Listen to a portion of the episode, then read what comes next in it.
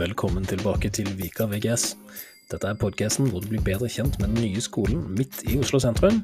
Og her tar vi altså imot spennende gjester, vi snakker om masse forskjellige aktuelle temaer. Og denne episoden den er lagd av engelsklærerne ved skolen.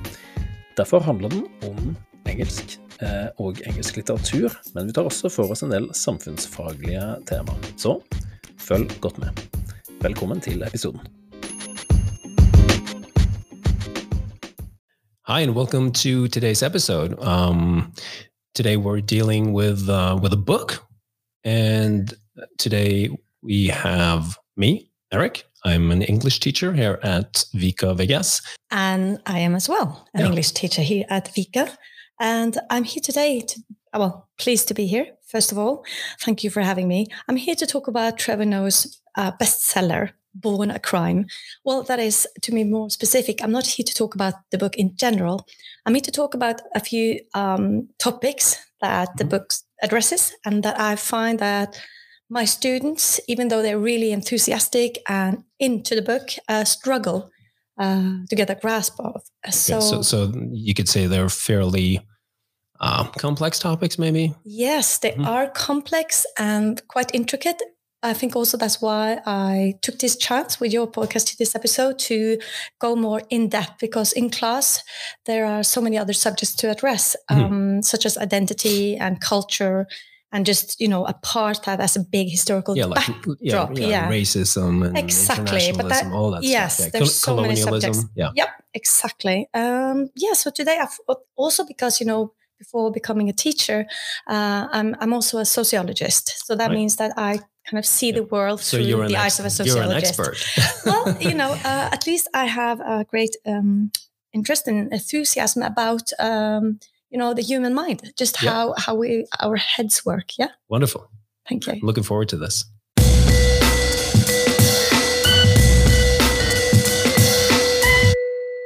So maybe first we can uh, present the book. Okay, so just shortly, it is um, depending on uh, what glasses you have on when you look at it. It's all it's a bestseller, obviously, mm-hmm. uh, written by Trevor Noah, who's had uh, quite an exciting upbringing mm-hmm. Uh, in in South Africa. Yeah, and he's um, he is a stand-up comedian, right? Yeah. Today he is. He is he's a stand-up comedian, uh, author, but what he came from a quite modest, modest background, and also he um, he has managed to tell his story without being very sentimental. I mean, it's yeah. it's serious. And there are a lot of. Um, it is very it, personal, I think. Very book, personal, yeah. and there are tragedies here, but oh, yeah. he just like um, he has this wonderful sense of humor, mm-hmm. even when you know uh, everything is bleak. And uh, a lot of the book is uh, basically dedicated to also his mom.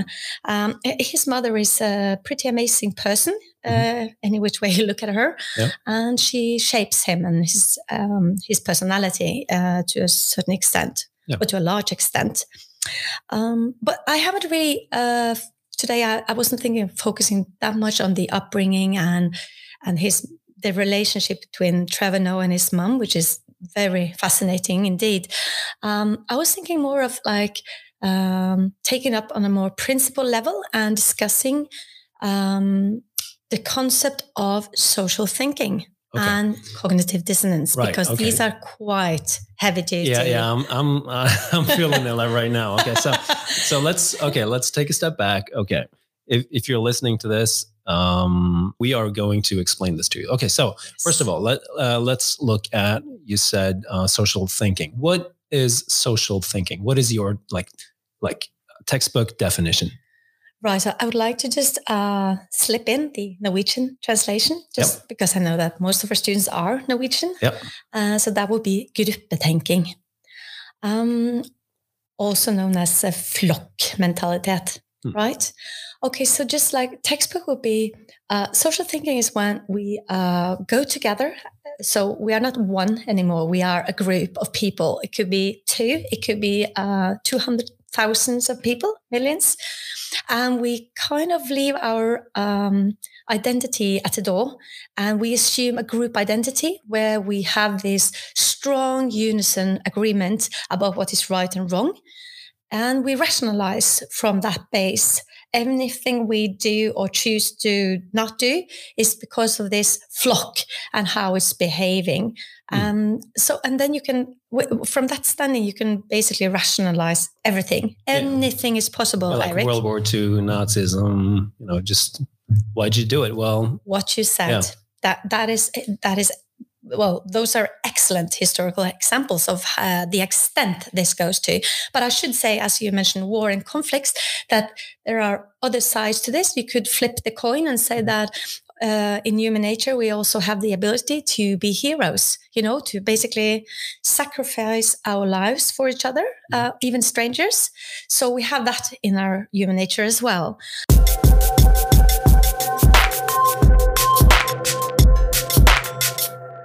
Um, but today, also because of the book Born a Crime, I have, um, well, I, have I've started to look into the more darker sides. Yeah. Uh, that we that you and I, all of us, have in us. Mm-hmm. That's really important to me. I've challenged my students. I asked them that, you know, the stuff we read about in this book. do you imagine that you could be part of it? Yeah, maybe? I think it's that's that's an interesting point. I think yeah. uh, for a lot of people, like reading about uh, the World War II or apartheid or yeah uh, like racism in 1960s America, and, and you think to yourself, "Oh my God! I mean, these people are crazy. I yeah. would I would never do that. I would never do that. Exactly. But of course, I mean, if you grew up in Germany in the 1930s, you would uh, like probably be rooting for Hitler and being um, a gung ho Nazi.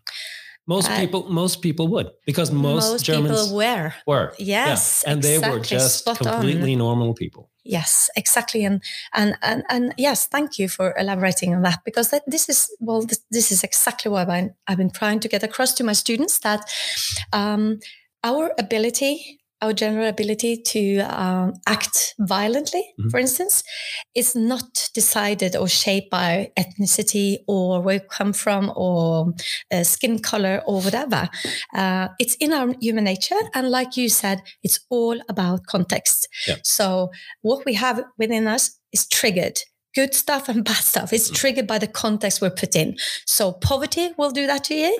Um, fear, yeah. or fear is basically the big red button. If you can just scare a person, uh, I'm going to have to tell you that that goes for all of us. We're basically capable of doing anything if we're just scared enough. Yeah, and lack of basic necessities like food, shelter. Um, that will like do w- to you too. What you said, like safety. If you're not safe, yeah I mean, you're going to do whatever you need to do to get by. So true. And then if you emphasize that fear or at least an experience of being uh, threatened, if you emphasize that by having a government or, or politicians telling you that you're in the right, you know you are in the right to do this and you should be scared and maybe someone are after you and mm. exact then you start building walls and you start to stand your ground as you do in florida and you shoot people basically yeah, and you yeah. feel like we're in the right to do so. You're backed by maybe even the lawmakers. Yeah. Mm-hmm.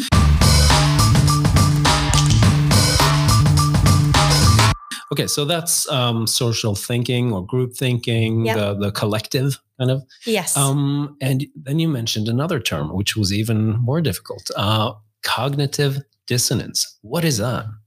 Cognitive dissonance. Yes, let's just break it down, Eirik, because yeah. I think uh, most of us would need that in the beginning with those with that uh, concept. Okay, so cognitive that goes to describe anything that concerns your mind, your thinking, and the dissonance. Well, you can think about it as like in music, like when something resonates with you, hmm. makes sense, sounds good, yeah. yeah and dissonance, that's basically the opposite. The opposite. Yeah.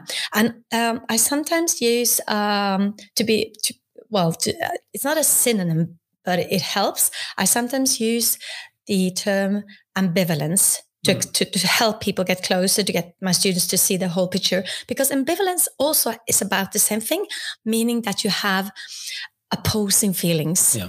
Yeah. Like you love At it, the same time. Yeah, you yes, love it, you, you love it, it, but yeah. you hate it. and, and, that's like maybe uh, um, exaggerating a bit, but it could be like um, this is what happens when uh, you or I do something, but deep down we feel like it's wrong. And maybe we feel shame or blame. Hmm. That's cognitive dissonance. Um, it could be in a situation where um, maybe like in the book, there are, uh, well, what's really good about the book also is that Trevor Noah never, uh, he does not demonize the white man and that's very exciting that he doesn't do that because yeah. one would think that he would. Uh, i mean i mean he has a reason to. yes he does have a, a good reason but he doesn't do that. And uh, that's because he has uh, grown to understand the concept of cognitive dissonance. I think he realizes that many of these people uh, can actually deep down know that this is something wrong but uh, they keep acting according to the apartheid laws because, and there are many reasons, but uh, um, um, um, one main reason that he emphasizes again and again is privilege. Right. Yeah, and we're we're um, in Norwegian we have this expression uh, "være seg selv nok," mm. meaning that we are um, oss selv nærmest, meaning that we have our own perspective of the world and I'm going to be my me person. I'm first yeah. in line, basically. And if I have like uh, all of these privileges, it's going to really be difficult for me to uh, say, okay, I'm going to give up all these privileges and all this security and uh, yeah for someone else that you don't even know exactly. Yeah. and i don't really and also i can see um, the place they're living in. I don't really feel uh, tempted to switch places you know? No i mean it's objectively a difficult country to live in i think. Yeah? Yeah. It's, a lot of violence a lot of crime yeah. um, and also a lot, a lot of, cognitive dissonance because people know deep down that maybe they shouldn't like violence. One thing is if you're the actual executioner and you're, you're doing the violence but just being this the one standing by and watching it and letting it happen mm. that's deeply disturbing for a person. So how is it possible? Like you said world war ii and all those normal germans but it is but possible still, for think, all of us. um, i do think though that is there a difference between norway where um, violence is openly condemned in South Africa, or at least Nazi Germany, where it was uh, condoned. But in South Africa, wouldn't you say that violence is a bit more normalized? I don't know. I'm just speculating. I, I would absolutely, definitely say it's more normalized. However, I think also that's one of the misconceptions here. We think that in a society, if violence isn't normalized, then that means that we have less of a capability of that. And that's just not mm. true. Mm. It has to do with us living in a very, very civilized, peaceful uh, country. So the society doesn't trigger that in us. Right. You are not scared. You are not poor. Mm. Uh, you know right from wrong. You yeah. have a social safety net and so on and so forth. Yeah. So that means that you are not triggered. Your violent capability, your capacity for violence is not triggered. So in those countries where you say it's more normalized, yeah, obviously, if you have the uh, the realistic threat of a gang uh, drive-by shooting or being bullied by the police, for instance, to take that, yeah. obviously that shapes your mentality towards violence as well. Yeah, good answer. I just enjoy throwing yeah. curveballs. Sorry. and you're doing it well. Okay.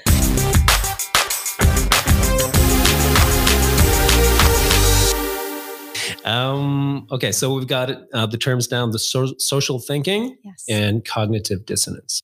Okay, so um, moving towards the end of the, um, this episode, um, if I if I were a student, what would I take away from this? Um, what could I learn from these terms uh, in the context of this book?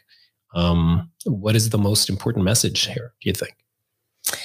So, Eric, hopefully, um, after uh, we've been spending quite a lot of time on Born a Crime by Trevor Noah, my students will take home the message of us all being equal when it comes to the capacity for violence or um, any kind of a horrible act, atrocities that you see in history that you sometimes find hard to grasp as a student. How was that possible? How could that be? And maybe also, like you said, I could never do that. I would never be a part of that. I want them to think that, yes, you could. Yeah. Uh, at the same time, because I can totally relate to that being a bit depressing yeah. to, I, to, to, know that. I, I think it's really important though, because it's it's like you know if you're an alcoholic you know it's the first step is to yeah, say to okay acknowledge yeah I'm, yes I'm an alcoholic i have this problem yes if, if you don't and you can say, that you, yeah. you would never be able to do anything about it Exactly. And I, yes, exactly that. I want them to be able to say, um, I, am human, therefore I could be capable of atrocities. Yeah. Just for the record, I'm not saying that all our students are alcoholics. Nor you, no, right? No. uh, but yeah, Knock so I would, I would just add to that also that mm, the upside of that is that yes, we have to take into consideration that being human means that you're capable of all sorts of uh, violence and, and and horrible acts and atrocities. However, at the same time just look back at history and also, I mean, living legends as well, but just like examples. There will always be a Jeanne d'Arc. There will always be a Gandhi. There will always be a Mandela. Uh, some violent, some peaceful. But what they have in common is that they are uh, heroes to their flock. They have been they they're broken out of the flock pattern, and I'm gonna have to say, like You've seen when um, a flock of animals, just one individual uh, jumps and then runs, and all the others follow uh, suit. Mm-hmm. And they haven't seen anything, they haven't heard anything. They just run because the first one started. Yeah.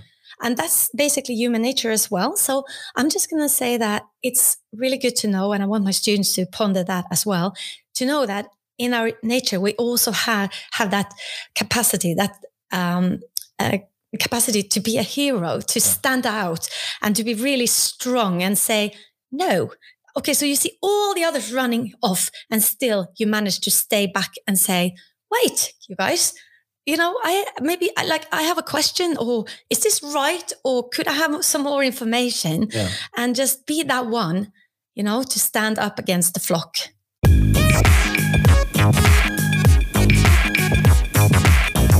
Um, of course, we have the famous quote uh, from Gandhi uh, be the change you want to see in the world.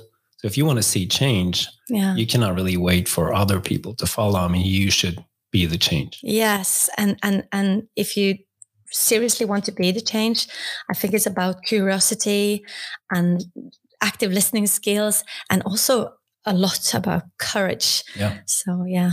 Yeah. Sometimes it's to stand up against authorities yes. against what you perceive as wrong. Yeah. Um, and, and, also and maybe even towards maybe your parents, uh, your family, your so peers, true, which is friends. even worse and yeah. even harder. So yeah. at times yeah. that's necessary, and that's going to be like that's a turning point in everyone's life when, when it's easy to you know mouth off a politician or a police officer.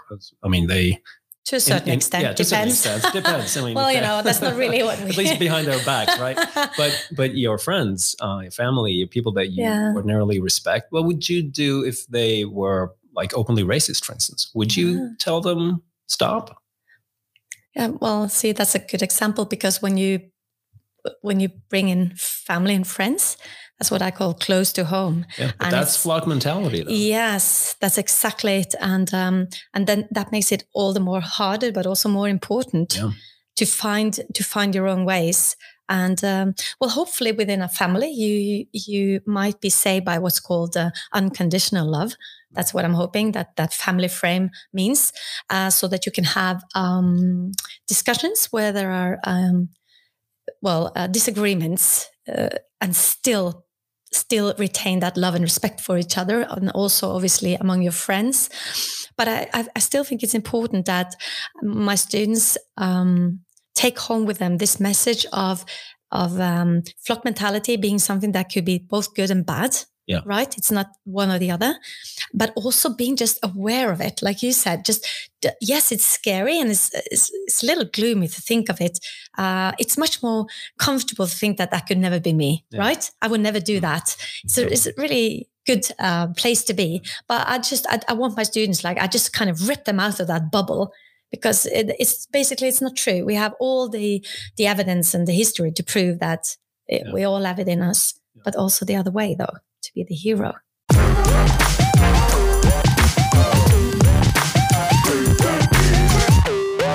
It's a good note to end on. Yep. Okay. Thank you so much for uh, joining me in this episode. Thank you for having Looking me. Looking forward to seeing you again. Thank you.